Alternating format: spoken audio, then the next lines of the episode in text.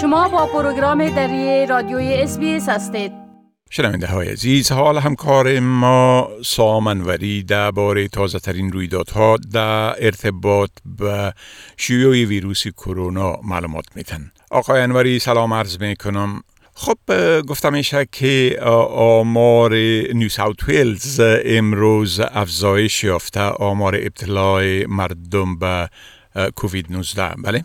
با سلام به شما و شنوندگان عزیز. بله همونطوری که شما اشاره کردید آمار روزانه مبتلایان کرونا در نیساتویل در شبانه روز گذشته یک روز بعد از لغو پوشش اجباری ماسک به اندازه قابل توجه بالا رفته. ایالت در شبانه روز گذشته 8874 مورد تازه ثبت کرده که 3018 مورد از روز قبلش بیشتر است. همچنین در شبانه روز گذشته 9 نفر از اثر بیماری کرونا در نیساتفل جان باختند. در حال حاضر 1098 نفر در شفاخانه های نیساتفل بستری هستند که 49 تن اونها تحت مراقبت شدید قرار دارند. همزمان بر بنیاد آمار وزارت صحت نیساتفل تا اکنون 98 درصد جمعیت بالای 16 سال ایالت تحت پوشش برنامه واکسیناسیون قرار گرفته که شامل 94.3 درصد واکسیناسیون دو دوزه و 52.4 یک درصد واکسیناسیون سه دوزه میشه. همچنین در بین کودکان زیر 16 سال 79 درصد کودکان 12 تا 15 ساله هر دو دوز واکسن را دریافت کرده در حالی که بین کودکان 5 تا 11 ساله تنها 47.5 درصد دوز اول واکسیناسیونشان را دریافت کرده این در حالی است که شاخه نیوساوت انجمن طبیبان استرالیا یا استرالیان مدیکال اسوسییشن از مردم خواسته که به پوشیدن ماسک همچنان ادامه بدن بله خب وضعیت در ویکتوریا از چه قرار است؟ ایالت ویکتوریا در شبانه روز گذشته 6879 مورد تازه ابتلا و کرونا و 18 مورد مرگ از اثر بیماری گزارش کرده در حال حاضر بیش از 40 هزار مورد فعال کرونا در ایالت وجود دارند که از میان آنها 255 بیمار در شفاخانه ها بستری هستند. از میان 255 بیمار بستری شده 41 تن در آی سی یو هستند و از میان این 41 نفر 5 نفر به کمک دستگاه نفس می‌کشند.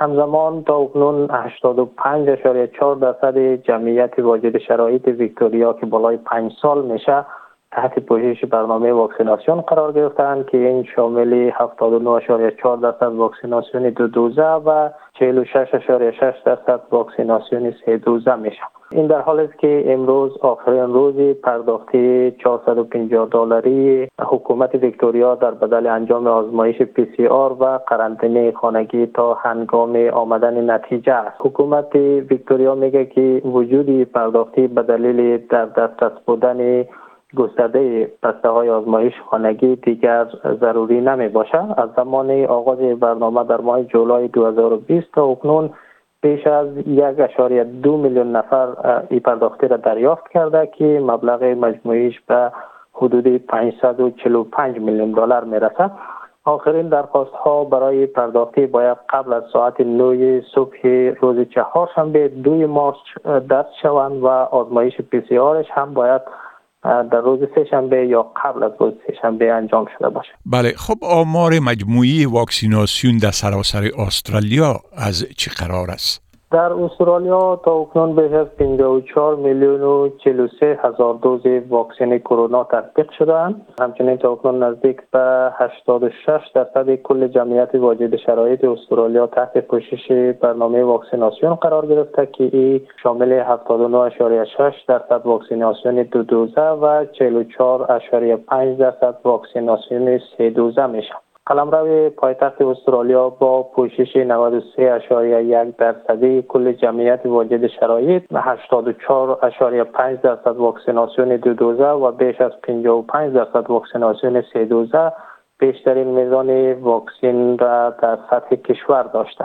بعد از قلمرو پایتخت به ترتیب ایالت های تاسمانیا، وسترن استرالیا، ساوت استرالیا، ویکتوریا، نیو ساوت کوینزلند و در آخر هم قلمروی شمالی استرالیا قرار دارد بله خب حالا می‌تونین درباره آمار مجموعی ابتلا به ویروس کرونا و همچنان میزان واکسیناسیون اگه امکان داشته باشد در استرالیا و در سراسر جهان لطفا معلومات بتین بله آمار مجموعی مبتلایان کرونا در استرالیا از آغاز همگیری تا اکنون به بالای دو میلیون و پنج هزار نفر و شمار قربانیانش هم به پنج هزار و یک نفر رسیده در شبانه روز گذشته علاوه بر ویکتوریا و نیساتفل 956 نفر در تاسمانیا و 692 نفر در قلمرو پایتخت مبتلا به کرونا شناسایی شدند. در سطح جهان بر بنیاد آمار مرکز منابع کرونا ویروس دانشگاه جان هاپکینز آمریکا آمار ثبت شده مبتلایان کرونا به بالای 436 میلیون و 236 هزار نفر و شمار قربانیانش هم به بیش از 5 میلیون و 955 هزار نفر رسیده. همچنین تا اکنون بیش از 10 میلیارد و 354 میلیون دوز واکسن کرونا در سراسر جهان تطبیق شده بله خب بسیار تشکر از این معلوماتتان و فعلا شما را به خدا می سپارم و روز خوش برتان آرزو می کنم تشکر از شما. خدا نگهدار. می خواهید این گونه گزارش ها را بیشتر بشنوید؟